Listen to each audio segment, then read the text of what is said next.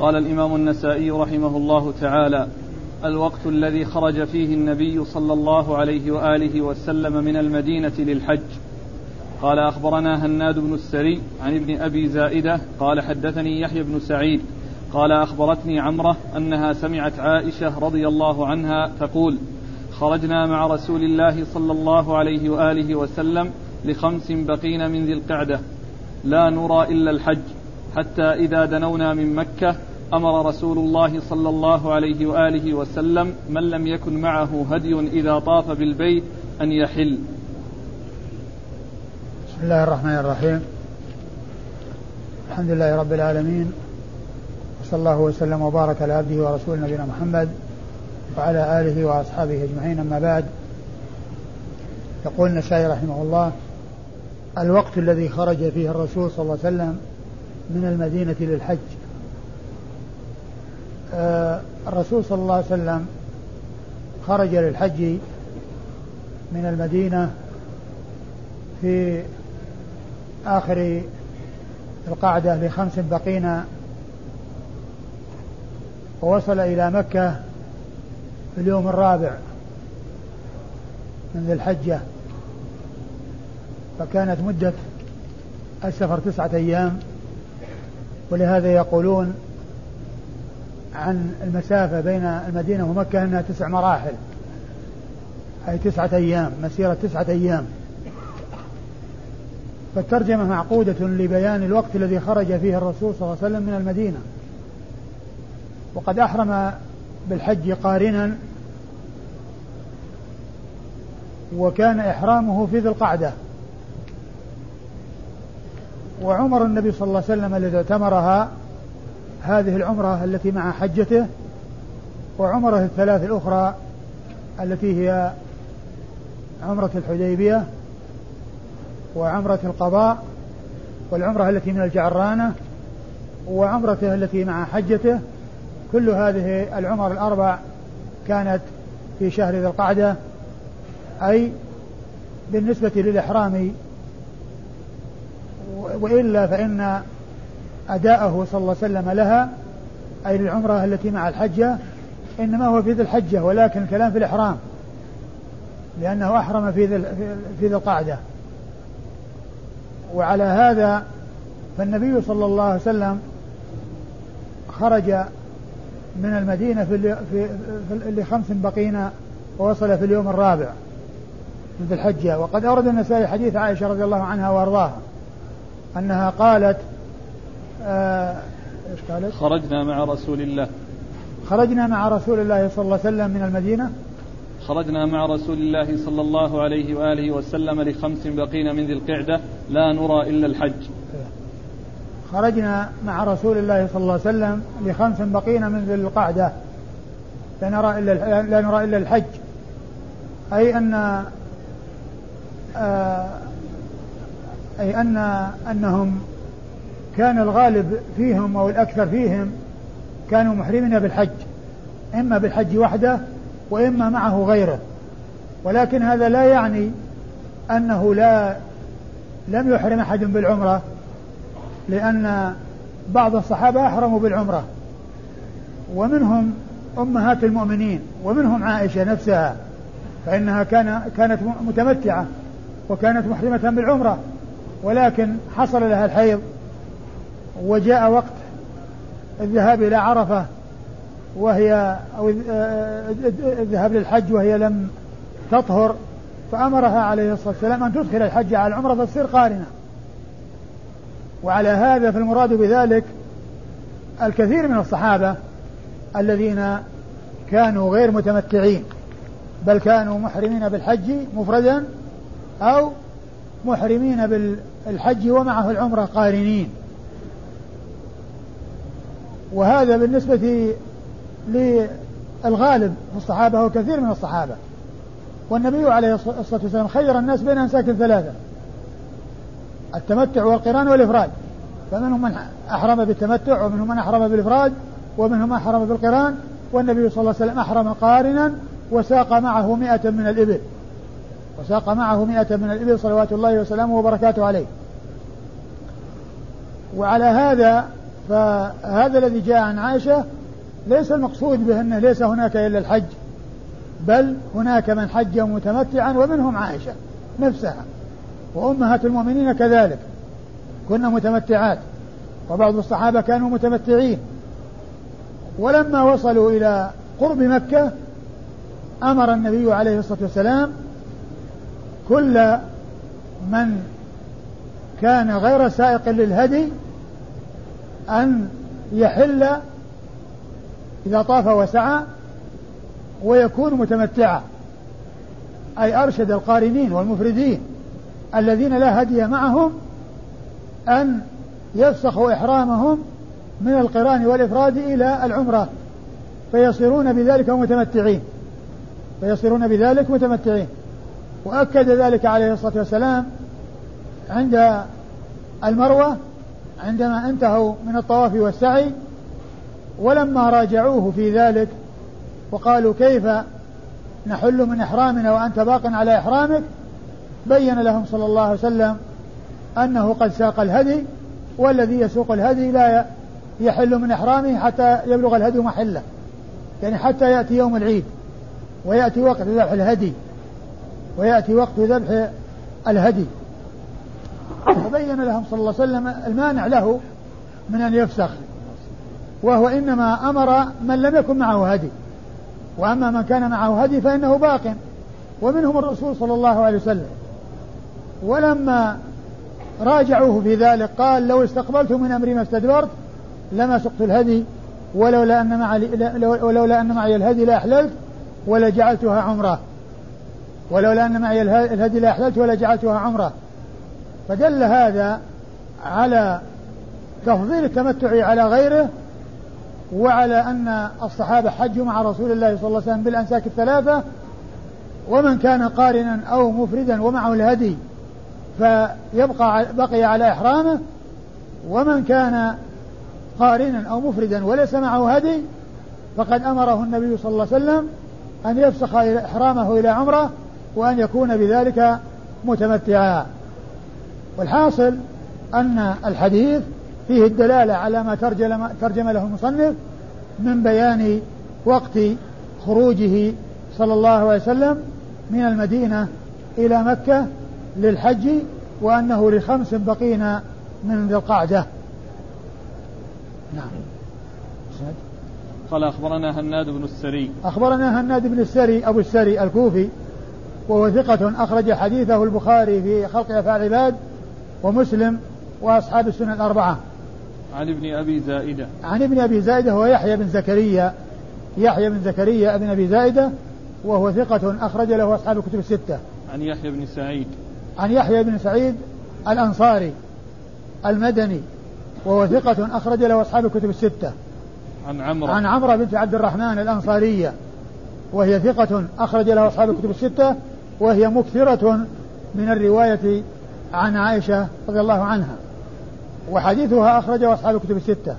عن أم المؤمنين عائشة رضي الله عنها وأرضاها الصديقة بنت الصديق أم المؤمنين آه، آه، أحد أو آه، هي واحدة من سبعة من سبعة أشخاص عرفوا بكثرة الحديث عن النبي صلى الله عليه وسلم من أصحابه الكرام وهي من أوعية السنة ومن حفظتها وقد حفظت الشيء الكثير من حديث رسول الله صلى الله عليه وسلم لا سيما ما يتعلق في الأمور البيتية التي لا يطلع عليها الرجال ولا يعرفها إلا أمهات المؤمنين رضي الله تعالى عنهن وأرضاهن فإنها روت الشيء الكثير من ذلك رضي الله تعالى عنها وأرضاها.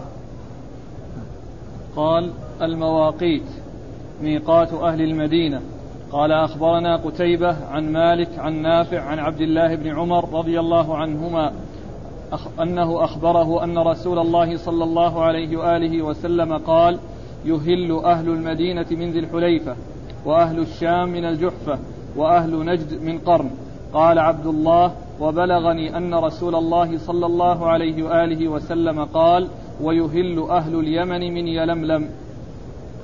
ثم ورد النسائي المواقيت ترجمة المواقيت. أي المواقيت المكانية. المواقيت المكانية التي تعتبر آه تعتبر أماكن للإحرام والدخول في النسك سواء كان حجا أو عمرة بحيث لا يتجاوزها من أتى عليها وهو مريد للحج والعمرة إلا وقد أحرم ولو تجاوزها غير محرم ثم رجع وأحرم منها فإنه لا شيء عليه وإن تجاوزها محرما وتجاوزها وأحرم بعدها فيكون أحرم بعد الميقات ولم يحصل منه الإحرام من الميقات ويكون أخطأ وإذا كان متعمدا يأثم وعليه دم سواء كان متعمدا أو مخطئا وهي شاة تذبح بمكة وتوزع على فقراء الحرم لأنه ما حصل منه الإحرام من من مكانه أي ميقاته الذي وقته الرسول صلى الله عليه وسلم. وإذا فالمواقيت التي عقدها عقد المصنف الترجمة لها ثم أتى بالتراجم المفصلة لهذه الترجمة هي المواقيت المكانية وهي الأماكن التي هي محيطة بالحرم إذا مر بها الإنسان وهو يريد حجا وعمرة فيتعين عليه أن يحرم منها ولا يجوز له أن يتجاوزها وهو غير محرم. وإذا كان لا يمر بميقات من هذه المواقيت فإنه إذا حاذ أقرب المواقيت إليه فإنه يحرم من المحاذاة. وسواء كانت هذه المحاذاة عن طريق الجو عن طريق البر أو عن طريق الجو أو عن طريق البحر. عندما يحاذي أقرب المواقيت إليه سواء كان ذلك برا أو بحرا أو جوا فإنه يحرم ولا يتجاوز المحاذاة للميقات دون أن يحرم لأن محاذاة الميقات هي بمنزلة الميقات. والنبي عليه الصلاة والسلام حدد للناس المواقيت لأهل البلدان ولأهل الجهات المختلفة حدد لهم مواقيت عينها وأوضحها وبينها صلوات الله وسلامه وبركاته عليه. ويقال لها المواقيت المكانية تمييز لها عن المواقيت الزمانية لأن هناك مواقيت زمانية ومواقيت مكانية. فالمواقيت المكانية هي التي نحن فيها الآن. وأما الزمنية فهي أشهر الحج. يعني أن الحج يوقع في أشهره. ويحصل الإحرام به في أشهره. وأشهر الحج تبدأ من يوم عيد الفطر الذي هو أول يوم من شوال. لأن أشهر الحج آه، شوال وذو القعدة وعشر من ذي الحجة. فهذه فهذه أشهر الحج التي يكون الإحرام به فيها ولا يكون قبلها وإنما يكون فيها. أي في أشهر الحج بدءا من يوم عيد الفطر إلى أن ينتهي الوقوف بعرفة وذلك في آخر أو نهاية ليلة العاشر لأن نهاية ليلة العاشر وهذه هي هي هي هي, هي الأزمنة أو الزمان الذي يحرم فيه بالحج أو بالحج مفردا أو قارنا أو عمرة متمتعا بها إلى الحج فإنه يكون في أشهر الحج. وإذا فهناك مواقيت زمانية ومواقيت مكانية. مواقيت زمنية هي التي قال الله تعالى فيها الحج أشهر معلومات أي يوقع فيها وهي تبدأ بأول شوال وتنتهي بطلوع الفجر ليلة العيد لأنه إذا انتهى الوقوف بعرفة خلاص انتهى الحج. ما في مجال للحج في هذه السنة. لا مجال للحج ومن فاته الوقوف فاته الحج. من فاته الوقوف فاته الحج ويفسخ إلى عمرة. يفسخ إلى عمرة ويكملها ويكمل ما أحرم به على عمرة. لكن هي أشهر أشهر الحج شهران وعشرة أيام. وهي كما قال بعض كما كما قالوا تكون إما سبعين يوما أو تسعة وستين أو ثمان وستين. إن وفى الشهران شوال ذي القعدة صارت سبعين. وإن نقص الشهران شوال ذي القعدة صارت ثمان وستين. وإن نقص واحد وكمل واحد صارت تسعة وستين. صارت تسعة وستين. فجملتها سبعون على الح... يعني سبعون أو أو تسعة وستون أو أو ثمانية وستون. على حسب تمام الشهرين أو نقصانهما أو تمام واحد منهما ونقصان الآخر. ولا يجوز الإحرام بالحج قبل آه قبل أشهره. وأما العمرة فإنه يحرم بها في كل وقت. وإذا أحرم بالعمرة في أشهر الحج وحج من عامه وهو لم يرجع إلى بلده فهو متمتع. وإذا أحرم قبل شوال فهذه العمرة لا علاقة لها في الحج إذا أحرم لا علاقة لها في الحج الذي يحرم في رمضان وقبل أول يوم شوال لا علاقة لإحرامه بالحج ولا يعتبر متمتعا لو حج من عامه. لو حج من عامه لأن العمرة ما وقعت في أشهر الحج. والتمتع لا بد أن تكون العمرة حصلت في أشهر الحج. العمرة التي يتمتع بها إلى الحج تكون في أشهر الحج التي هي تبدأ من أول شوال.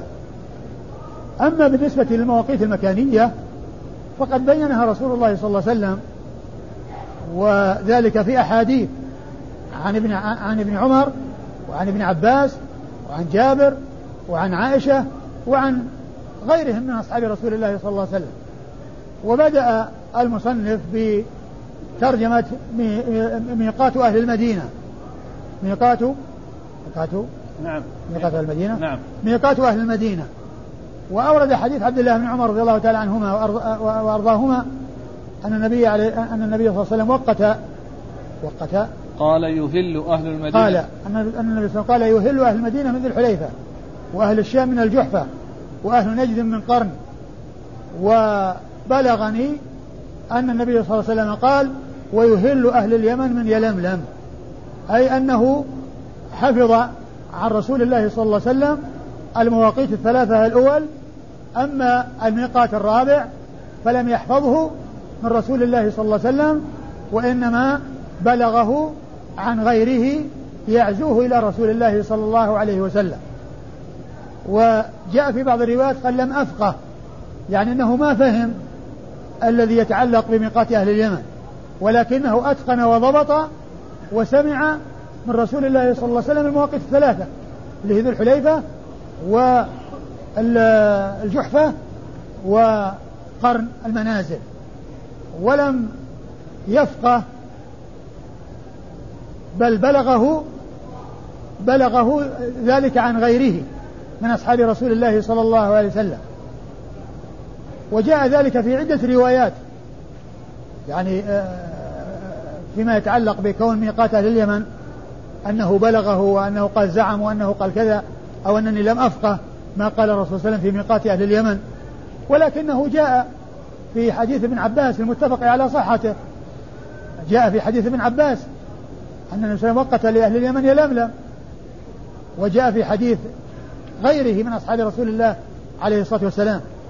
وسيأتي آه، بعض الأحاديث التي فيها التنصيص على أن النبي صلى الله عليه وسلم وقت لأهل اليمن يلملم وهو في الصحيحين من حديث ابن عباس وفي غير الصحيحين من حديث غيره كما سيأتي.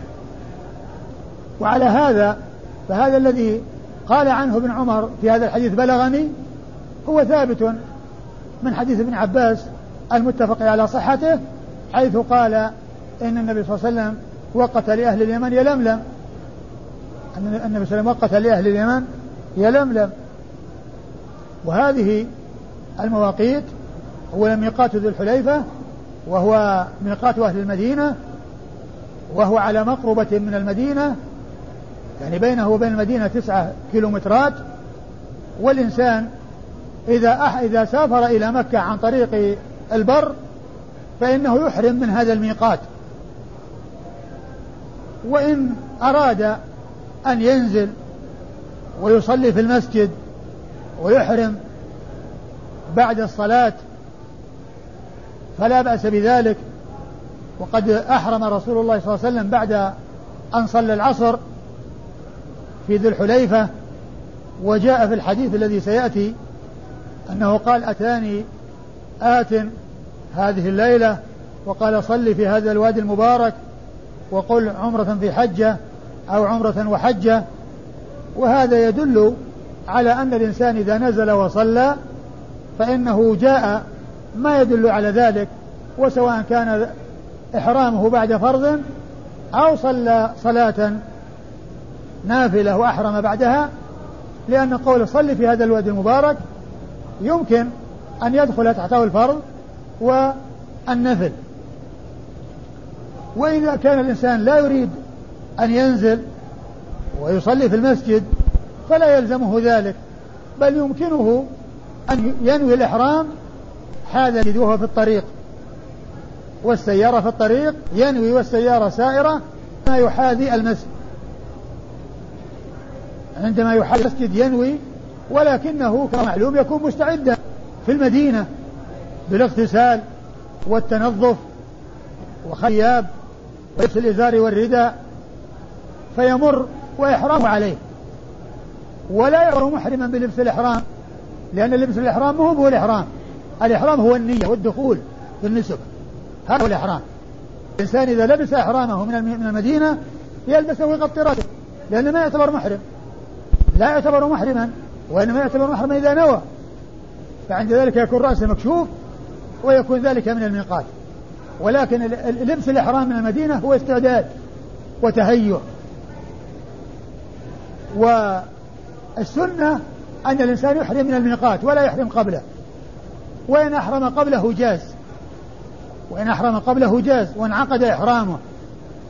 وانعقد إحرامه لكن الأولى والذي ينبغي أن الإنسان لا ينوي الإحرام إلا من الميقات. لا ينوي الإحرام إلا من الميقات. أما إذا كان السفر عن طريق الطائرة فإذا ركب الطائرة في المدينة وتحركت للإقلاع ينوي ويلبي ولا يصبر لأن المسافة قصيرة بين المدينة وذي الحليفة فقد تفوت تتجاوز الطائرة بسرعة والإنسان لا يدري فيكون يحرم بعد الميقات.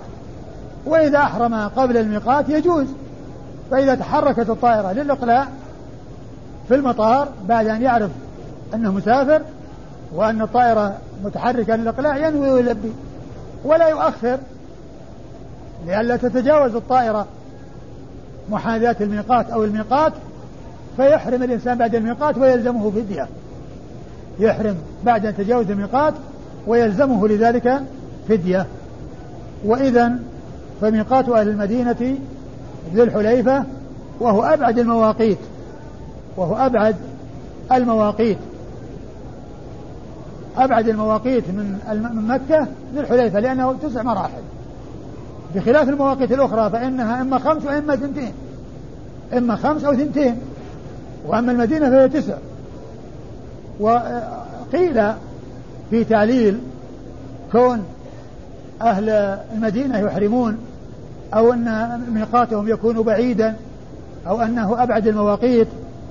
قيل لأنهم لا يحصل منهم ما يحصل ما يحصل لغيرهم من التعب بحيث يأتوا من مسافات بعيدة. فجعلت المواقيت التي لهم آه، أقرب من ميقات أهل المدينة رفقا بأهل الآفاق. أما أهل المدينة فلكونهم لا يحصل منهم مثل ما يحصل لغيرهم من الأسفار البعيدة وتحمل المشاق فجعلت مواقيتهم أقرب من ميقات أهل المدينة. وأيضا قالوا ليعظم الأجر لأهل المدينة بإحرامهم وكونهم يبقون مدة أطول في إحرامهم لأنهم يمكثون تسعة أيام لما كانوا يسافرون على الدواب محرمين وتتوسخ أحرمتهم ويمضي عليها وقت طويل بخلاف هذا الزمان فإن آه، آه، المدينة وغير المدينة كلها صارت قريبة ولا يمضي وقت إلا ساعات محدودة أو أقل أو ساعة إذا كان أو, أو مقدار ساعة إذا كان السفر بالطائرة ولا يحصل هناك عناء ومشقة. ووقت الرسول صلى الله عليه وسلم لأهل الشام الجحفة. وكذلك لأهل مصر وأهل المغرب ولكل من يأتي من تلك الجهة. جاء في بعض الأحاديث الشام وفي بعضها أهل الشام ومصر. وكل من يأتي من تلك الجهة التي هي من جهة الغرب أو من جهة الشمال غير مار بالمدينة فإن ميقاته الجحفة وهي قرية قريبة من رابغ وهي أقرب إلى مكة من رابغ ويحرم الناس الآن من رابغ لأن الجحفة مهجورة ورابغ عامرة فيحرمون من رابغ وهو مكان قريب من الجحفة وهو مكان قريب من الجحفة. فهي ميقات لمن يأتي من جهة الغرب ولمن يأتي من جهة الشمال من جهة الساحل وليس مارا بالمدينة يحرم من الجحفة. أما من جاء من أهل الآفاق إلى المدينة أولا وانطلق منها للحج أو العمرة فيتعين عليه أن يحرم من ميقات أهل المدينة لأن النبي عليه الصلاة والسلام لما وقت هذه المواقيت قال في آخر الحديث هن لهن ولمن أتى عليهن من غير أهلهن ممن أراد الحج والعمرة. يعني فهي ليست ميقات لمستوطن المدينة بل لكل من مر بهذا الميقات سواء كان من أهل المدينة أو من الوافدين على المدينة أو الواردين على المدينة من أهل الآفاق فإن ميقات الجميع هو ذو الحليفة. وليس لمن جاء المدينة أن يتجاوزها غير محرم سواء كان من أهل الشام أو المغرب أو من أي جهة أخرى لأن ميقاته هو الميقات الذي يمر به ولو لم يكن من أهل ذلك البلد الذي وقت له ذلك الميقات لأن النبي صلى الله عليه وسلم قال هن لهن ولمن أتى عليهن من غير أهلهن ممن أراد الحج أو العمرة. ووقت لأهل نجد قرن المنازل يعني أهل نجد وهم الذين يأتون من الجهات الجبل المرتفعة سواء من جهة نجد المعروفة بهذا الاسم أو من جهة الطائف والجبال التي هي في تلك الجهة كل من يأتي ميقاته قرن وإذا لم يمر به فإنه آه، يحرم من محاذاته يحرم من محاذاته. وعلى هذا فالنبي صلى الله عليه وسلم في حديث ابن عمر آه، وقت هذه المواقف الثلاثة وذكر ابن عمر أنه بلغه أن النبي صلى الله عليه وسلم وقت لأهل اليمن يلملم وجاء ذلك ثابتا في حديث ابن عباس في الصحيحين وجاء عن غير ابن عباس في آه، جاء عن جابر في صحيح مسلم وجاء عن غيرهم آه، في غير الصحيحين وهي صحيحة. وهو أن أن النبي صلى الله عليه وسلم وقت لأهل اليمن يلملم فهو ميقات لأهل اليمن الذين يأتون من جهة الساحل وأما الذين يأتون من جهة الجبال ومن جهة الطائف فإنهم يحرمون من قرن. قال أخبرنا قتيبة. قال أخبرنا قتيبة. قتيبة هو بن سعيد بن جميل بن طريف البغلاني ثقة ثبت أخرج له أصحاب الكتب الستة. عن مالك. عن مالك بن أنس إمام دار الهجرة وأحد أصحاب المذاهب الأربعة المعروفة بمذاهب أهل السنة وحديثه عند أصحاب الكتب الستة. عن نافع. عن نافع مولى بن عمر وهو ثقة أخرج حديثه أصحاب الكتب الستة. عن ابن عمر عبد الله بن عمر الصحابي الجليل أحد السبعة المعروفين بكثرة الحديث عن النبي عليه الصلاة والسلام وأحد العبادلة الأربعة من أصحاب رسول الله صلى الله عليه وسلم. وهذا الحديث رباعي هو من أعلى الأسانيد عند النسائي لأن أعلى الأسانيد عند النسائي الرباعيات بينه وبين رسول الله صلى الله عليه وسلم أربعة أشخاص وكانت وفاته سنة 303 يعني في السنة الثالثة بعد الثلاثمائة توفي. وأعلى إسناد عنده الرباعي. الذي يكون فيه بينه وبين رسول الله عليه الصلاة والسلام أربعة أشخاص وهم قتيبة ومالك ونافع وعبد الله بن عمر. قال ميقات أهل الشام. قال أخبرنا قتيبة قال حدثنا الليث بن سعد قال حدثنا نافع عن عبد الله بن عمر رضي الله عنهما أن رجلا قام في المسجد فقال يا رسول الله من أين تأمرنا أن نهل؟ قال رسول الله صلى الله عليه وآله وسلم يهل أهل المدينة من ذي الحليفة ويهل أهل الشام من الجحفة ويهل أهل, أهل نجد من قرن. قال ابن عمر ويزعمون أن رسول الله صلى الله عليه وآله وسلم قال ويهل أهل اليمن من يلملم. وكان ابن عمر يقول لم أفقه هذا من رسول الله صلى الله عليه وآله وسلم. ثم أورد النسائي هذه الترجمة هي آه، ميقات أهل الشام. ميقات أهل الشام؟ نعم. ميقات أهل الشام وهي الجحفة. وأورد فيها حديث ابن عمر من طريق أخرى. أورد فيه حديث ابن عمر من طريق أخرى. وفيه ما في الذي قبله من أن أن النبي صلى الله عليه وسلم وقت لأهل المدينة في الحليفة ولأهل الشام الجحفة ولأهل نجد القرن نعم. ذكر الثلاثة كلهم. نعم نعم. ولأهل نجد القرن ثم قال ويزعمون أن النبي قال ويهل أهل اليمن من يلملم. ويهل أهل اليمن من يلملم. قال ولم أفقه ذلك من رسول الله صلى الله عليه وسلم. يعني أنه ما حفظ ذلك من رسول الله ولكن حفظه من غيره. وكلمة يزعمون المراد به الخبر المحقق لأن الزعم يأتي يراد به الخبر المحقق وليس المقصود به المشكوك فيه ولكنه يريد أنه سمعه من غيره ولم يسمعه مع أنه كان حاضر. ولم يفقه ذلك. يعني فاته يعني هذه الكلمة الأخيرة ولكنه أخذها عن غيره وسمعها من غيره. وفي الحديث أن هذا الحديث كان جوابا لسؤال وأن السؤال في المسجد يعني في مسجده صلى الله عليه وسلم وأنه قبل أن يسافر وقبل أن يذهب للحج. سئل وهو في المسجد من أين تأمرنا أن نهل؟ فقال يهل أهل المدينة من كذا إلى آخر الحديث. نعم. قال أخبرنا قتيبة عن الليث بن سعد. أخبرنا قتيبة عن الليث بن سعد عن نافع عن ابن عمر. نفس الإسناد الأول إلا أن في بدل مالك الليث بن سعد وهو إسناد رباعي مثل الذي قبله. والليث بن سعد هو المصري ثقة فقيه أخرج حديثه أصحاب الكتب الستة. الإهلال قبل هذه المواقيت. إيش حكمه؟ الإهلال قبل هذه المواقيت. يجوز. يجوز. ولكن الأولى للإنسان أن لا يهل إلا من المواقيت. مطلقا يعني حتى لو كان بعيد عن المواقيت لا ما ينبغي. كيلوات ما ينبغي هذا ما ينبغي. لكن لو وجد حصل الإحرام. لو وجد ثبت الإحرام. لكن من أماكن بعيدة لا ينبغي.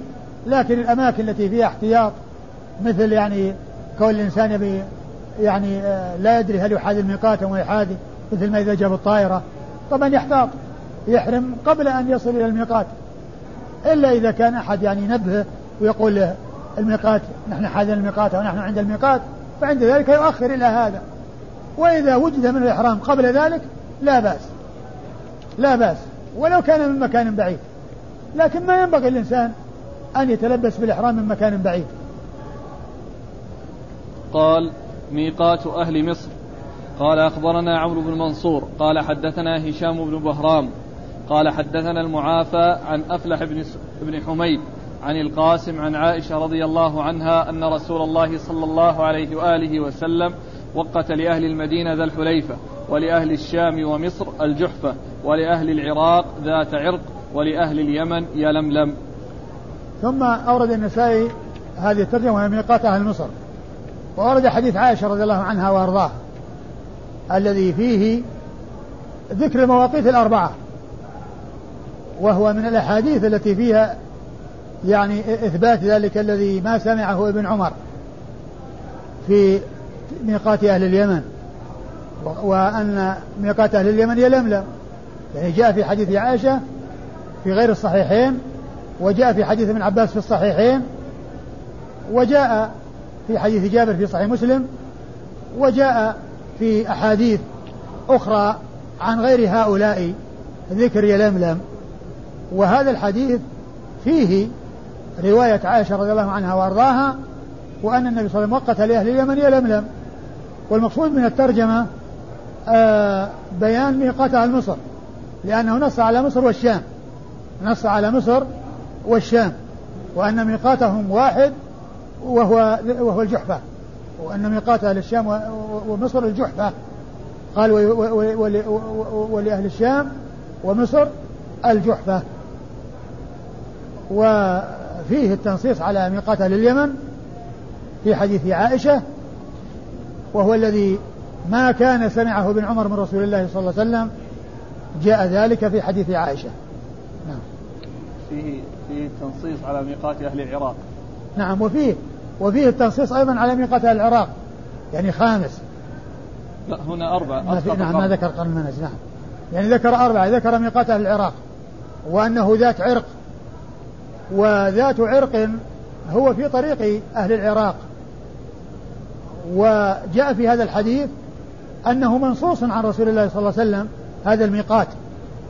وجاء في صحيح البخاري وغيره أن عمر رضي الله عنه وأرضاه لما فتح المصران يعني آه، العراق وكانوا يأتون للحج وقالوا إن قرنا جور عن طريقنا يعني أنه يعني بعيد عن طريقهم قال انظروا حذوها من طريقكم فوجدوا ذات عرق فقال لهم أن يحرموا منها لأنها تحاذي قرن المنازل. فجاء في في صحيح البخاري وفي غيره أن هذا من اجتهاد عمر وأن ذلك عن طريق المحاذاة. وجاء في حديث عائشة وغير حديث عائشة أنه بتنصيص من رسول الله صلى الله عليه وسلم. فيمكن أن يكون عمر رضي الله عنه ما بلغه ذلك ولكنه اجتهد وصار اجتهاده مطابقا لما جاء عن رسول الله صلى الله عليه وسلم فهي من فهو من موافقات عمر للسنة ولما جاء عن رسول الله صلى الله عليه وسلم لأنه رضي الله عنه يحصل منه المشورة على رسول الله صلى الله عليه وسلم بأشياء ثم ينزل الوحي مطابقا لما أشار به كما جاء ذلك في أسرى بدر وكما جاء في مقام إبراهيم واتخاذه مصلى.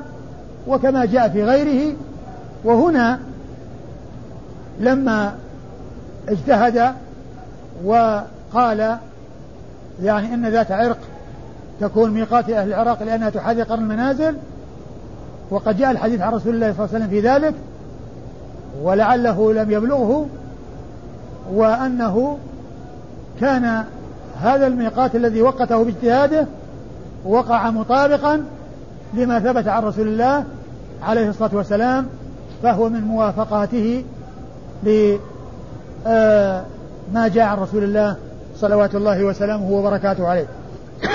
ورضي الله عن عمر وعن الصحابة أجمعين. آه نعم. قال أخبرنا عمرو بن منصور. أخبرنا عمرو منصور هو النسائي وهو ثقة أخرج حديثه النسائي وحده. عن هشام بن بهرام. عن هشام بن بهرام وهو ثقة أخرج حديثه من؟ أبو داود والنسائي. أخرج حديثه أبو داود والنسائي. عن المعافى. عن المعافى بن عمران وهو ثقة أخرج حديثه أصحاب الكتب الستة. أصحاب الكتب الستة؟ البخاري وأبو داود والنسائي. البخاري وأبو داود والنسائي. أخرج حديث البخاري وأبو داود والنسائي. عن أفلح بن حميد. عن أفلح بن حميد وهو ثقة أخرج حديثه أصحاب الكتب إلا الترمذي. أخرج حديثه أصحاب الكتب الستة إلا الترمذي. عن القاسم. عن القاسم بن محمد بن أبي بكر الصديق. أحد السبعة الفقهاء السبعة في المدينة المشهورين في عصر التابعين. وحديثه أخرجه أصحاب الكتب الستة. عن عائشة رضي الله عنها وأرضاها وقد مر ذكرها. والحديث صحيح. ثابت عن رسول الله صلى الله عليه وسلم وفيه التنصيص على ميقات أهل العراق وأنه ذات عرق. وبعض أهل العلم يعني تردد أو تكلم في الحديث اللي هو حديث العراق أو ميقات العراق وقال إن العراق لم تفتح وقال الحافظ بن حجر وهذه غفلة ممن قال ذلك لأن الرسول صلى الله عليه وسلم وقت المواقيت لما فتح وما لم يفتح. وفي هذا إشارة إلى أن تلك البلاد ستفتح وأنها ستدخل في الدين وأنهم سيحجون ويأتون. فوقتت المواقيت والشام كذلك لم تفتح في ذلك الوقت. ومصر كذلك لم تفتح. والرسول وقت لأهل الشام وأهل مصر فتوقيته إلى العراق مثل توقيت لأهل الشام ومصر. لا يقال أن تلك إنما فتحت فيما بعد. لكن ما جاء في بعض الرواية لما فتح هذا النصران فيه؟ هنا؟ لما فتح النصران أو ما فيه؟ لا ما في. نعم. في بعض الأحاديث لما فتح النصران لا هذا في حديث البخاري في قصة في قصة عمر وكونه قال انظروا حذوها من طريقكم. لما فتح النصران والمقصود بذلك البصرة والكوفة. والبصرة والكوفة التي مصرها المسلمون ولم تكن موجودة قبل ذلك. ولكن المقصود المسلمون المسلمين ملكوا واستولوا على أرضهما استولوا على أرضهما. في أنشأوا الكوفة وأنشأوا البصرة. أنشأوا الكوفة وأنشأوا البصرة. ف يعني قوله هذا النصران المقصود من ذلك هو ال ال استيلاء المسلمين على تلك الأماكن ثم مصرت وأنشئت الكوفة والبصرة بعد ذلك. نعم. الإسناد؟ انتهى. انتهى. نعم بعد. قال ميقات أهل اليمن. قال أخبرنا الربيع بن سليمان صاحب الشافعي. قال حدثنا يحيى بن حسان. قال حدثنا وهيب وحماد بن زيد عن عبد الله بن طاووس عن أبيه عن ابن عباس رضي الله عنهما أن رسول الله صلى الله عليه وآله وسلم وقت لأهل المدينة ذا الحليفة. ولأهل الشام الجحفة ولأهل نجد قرنا ولأهل اليمن يلملم وقال هن لهن ولكل آت أتى عليهن من غيرهن فمن كان أهله دون الميقات حيث ينشئ حتى يأتي ذلك على أهل مكة. ثم أورد النسائي ميقات أهل اليمن. ميقات أهل اليمن وأورد فيه حديث ابن عباس الثابت في الصحيحين في غيرهما أن النبي صلى الله عليه وسلم وقت لأهل المدينة الحليفة ولأهل الشام الجحفة ولأهل نجد قرن المنازل ولأهل اليمن يلملم ثم قال هن لهن ولكل آت عليهن من غير أهلهن ممن أراد الحج والعمرة حتى يأتي ذلك إلى أهل مكة يعني فيحرمون فيحرموا من مكة. حديث عبد الله بن عباس رضي الله عنهما وأرضاهما فيه الثلاثة المواقيت المتقدمة وفيه ميقات أهل اليمن وأنه يلملم. وفيه أيضا بيان أن كل آت على على تلك المواقيت من غير أهلها حكمه حكم أهلها. حكمه حكم أهلها لا يتجاوزها إلا محرما. وفيه أيضا أن من, كون من كان دون المواقيت لا يرجع إلى المواقيت فيحرم منها. لا يذهب إلى المواقيت ليحرم منها بل يحرم من مكانه ومن منزله. ولا يجوز له أن يذهب من مكانه ثم يحرم بعد ذلك لأن ميقاته منزله. فالذين هم دون مواقيت لا يجوز لهم أن يتجاوزوا أماكن سكناهم إلا وقد أحرموا لأن سكناهم أو أماكنهم هي المواقيت في حقهم. هي المواقيت في حقهم. فلو تجاوزوها وأحرموا بعدها مثل الذي يتجاوز المواقيت وهو غير محرم ثم يحرم بعد ذلك. فحديث ابن عباس فيه بيان أن تلك المواقيت لا تختص بها تلك البلدان بل هي لهم ولكل آت عليها من غيرهم وأن من كان دون مواقيت فميقاته من حيث ينشئ. يعني من حيث ينشئ الإحرام. إن كان ساكنا في قرية دون مواقيت يحرم من قريته. وإن كان ذهب داخل المواقيت وما كان يريد حجا وعمرة ثم طرأ عليه أن يحج ويعتمر فيحرم من المكان الذي طرأ عليه طرأ عليه الإحرام بالحج والعمرة ولا يتجاوزه إلى غيره. حتى أهل مكة من مكة يحرمون بالحج من مكة. أما بالنسبة للعمرة فإن أهل مكة لا يحرمون منها بل عليهم أن يخرجوا إلى الحل ويحرمون منه كما جاء ذلك في حديث عائشة حيث أرشدها إلى أن تخرج إلى الحل. فهذا يدل على أن من كان في مكة لا يحرم بالعمرة إلا من الحل. ولا يقال إن عائشة من أهل الآفاق لأن لو كانت أهل الآفاق فميقاتها هذه الحليفة. وليس التنعيم وليس الحل الذي هو منتهى الحرم. ف يعني هذا يدل على أن من كان في الحرم سواء كان من أهل مكة أو من غيرها فإن ميقاته الحل. يحرم بالعمرة من الحل ولا يحرم بها من الحرم. وأما الحج فيحرم أهل مكة بالحج من منازلهم. كما أن الذين كانوا متمتعين عندما يأتي الحج يرجعون إلى إحرامهم ويحرمون من مساكنهم بمكة. نعم. سند قال أخبرنا الربيع بن سليمان صاحب الشافعي. أخبر الربيع بن سليمان صاحب الشافعي وهو الربيع بن سليمان بن عبد الجبار المرادي. وهو صاحب الشافعي. وهنا ميزه بقول صاحب الشافعي. لأن في الربيع بن سليمان ابن عبد الجبار والربيع ابن سليمان إيش؟ ربيع بن سليمان أظن بن داوود وكذا ربيع بن سليمان بن داوود. الجيزي نعم. الربيع إيه الجيزي هو بن داوود. ابن داوود نعم. إيه الربيع بن سليمان بن داوود. هنا قال الربيع بن سليمان صاحب الشافعي لأنه إذا ما قال الربيع صاحب الشافعي يكون يعني داير بينه وبين الربيع بن سليمان اللي هو الجيزي ابن داوود وهنا لما قال صالح الشافعي هو ابن عبد الجبار. الربيع بن سليمان بن عبد الجبار المرادي المصري وهو ثقة أخرج حديثه أبو داود النسائي أصحاب الكتب أخرج حديثه أصحاب السنن الأربعة نعم.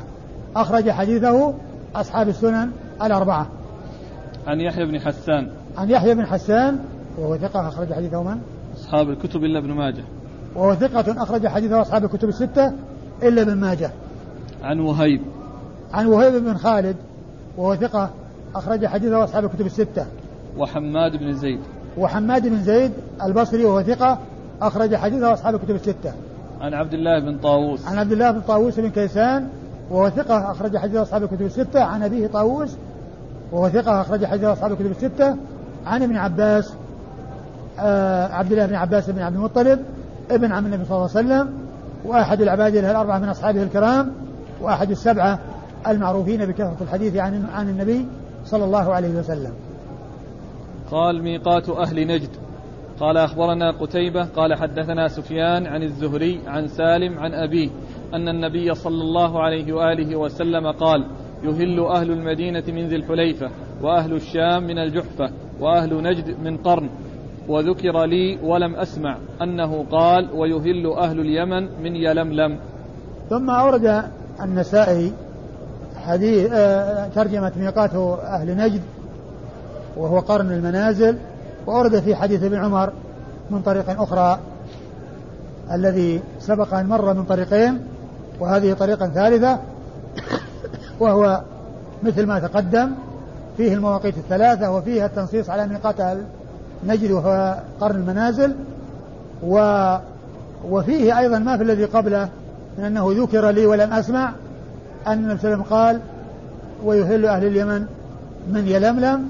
وقد عرفنا في حديث ابن عباس المتقدم التصريح منه وهو متفق عليه الحديث بأن ميقات أهل اليمن يلملم وكذلك أيضا في حديث عائشة المتقدم الذي هو في غير الصحيحين. نعم. إسناد؟ أخبرنا قتيبة عن سفيان. أخبرنا قتيبة قد مر ذكره وسفيان هو بن عيينة. سفيان هو بن عيينة وهو ثقة أخرج حديثه أصحاب الكتب الستة. ويروي عن الزهري. نعم. والزهري هو محمد بن مسلم بن عبيد الله بن شهاب الزهري ثقة مكثر من رواية الحديث وهو فقيه. وحديثه أخرجه أصحاب الكتب الستة. وإذا جاء قتيبة يروي عن سفيان وهو غير منسوب فالمراد به ابن عيينة. وكذلك إذا جاء سفيان يروي عن الزهري وسفيان غير منسوب فالمراد به ابن عيينة. فإذا هو ابن عيينة معروف من طريقين من جهتين من جهة التلميذ ومن جهة الشيخ. من جهة التلميذ وهو قتيبة أن روايته عن عن عن ابن عيينة. ومن جهة الشيخ اللي هو الزهري فالزهري فابن عيينة هو الذي يروي عن الزهري مباشرة والثوري لا يروي عن الزهري مباشرة. عن سالم. عن سالم ابن عبد الله ابن عمر آه وهو ثقة أخرج حديثه أصحاب الكتب الستة وهو أحد الفقهاء السبعة على أحد الأقوال الثلاثة في السابع لأن السابع في الفقهاء السبعة فيه ثلاث أقوال قيل سالم بن عبد الله بن عمر قيل أبو بكر بن عبد الرحمن بن الحارث بن هشام وقيل أبو سلمة بن عبد الرحمن بن عوف وهذا الذي معنا في الإسناد سالم بن عبد الله بن عمر يروي عن أبيه بن عمر وقد مر ذكره. قال ميقات أهل العراق. قال أخبرنا محمد بن عبد الله بن عمار الموصلي. قال حدثنا أبو, أبو هاشم محمد بن علي عن المعافى عن أفلح بن حميد عن القاسم عن عائشة رضي الله عنها أنها قالت وقت رسول الله صلى الله عليه وآله وسلم لأهل المدينة ذا الحليفة ولأهل الشام ومصر الجحفة ولأهل العراق ذات عرق ولأهل نجد قرنا ولأهل اليمن يلملم. ثم أورد هذه الترجمة ميقات أهل العراق.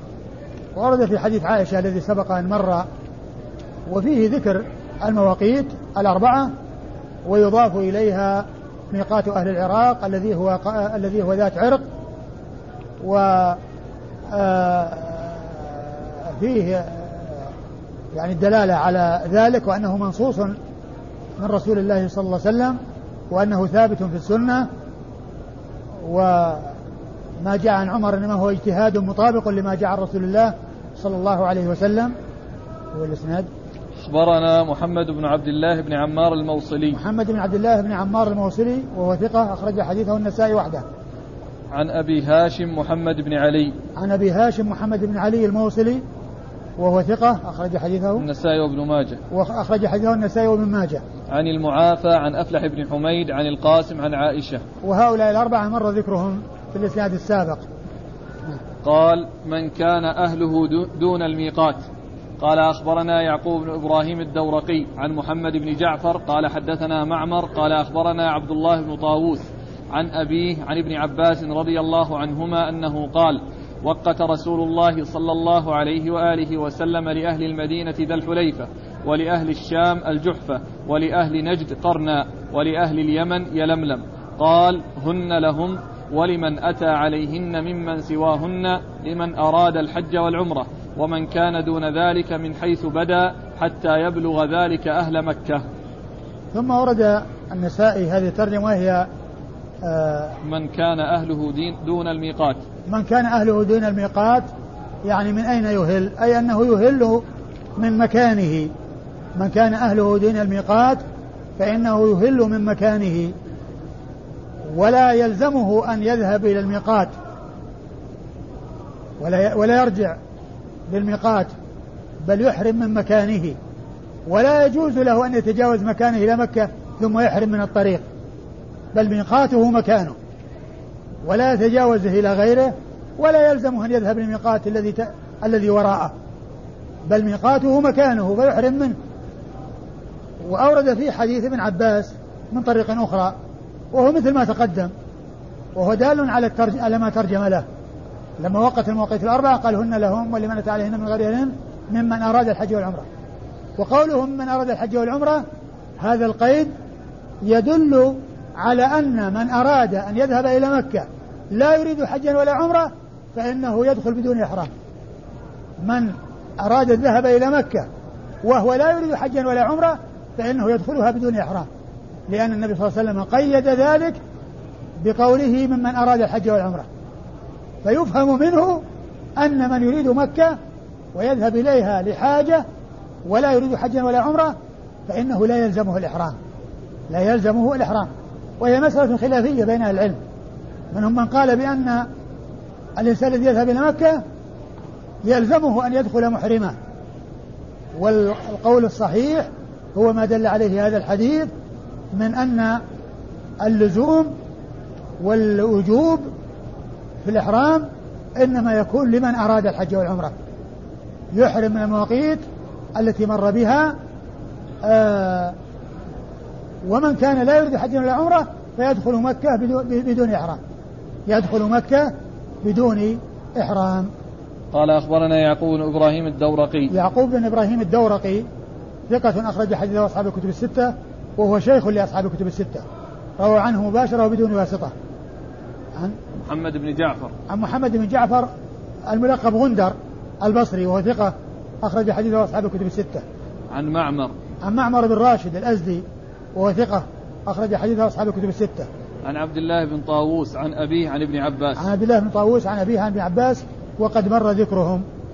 قال أخبرنا قتيبة قال حدثنا حماد عن عمرو عن طاووس عن ابن عباس رضي الله عنهما أن النبي صلى الله عليه وآله وسلم وقت لأهل المدينة ذا الحليفة ولأهل الشام الجحفة ولأهل اليمن يلملم ولأهل نجد قرنا فهن لهم ولمن أتى عليهن من غير أهلهن ممن كان يريد الحج والعمرة فمن كان دونهن فمن أهله حتى أهل مكة يهلون منها.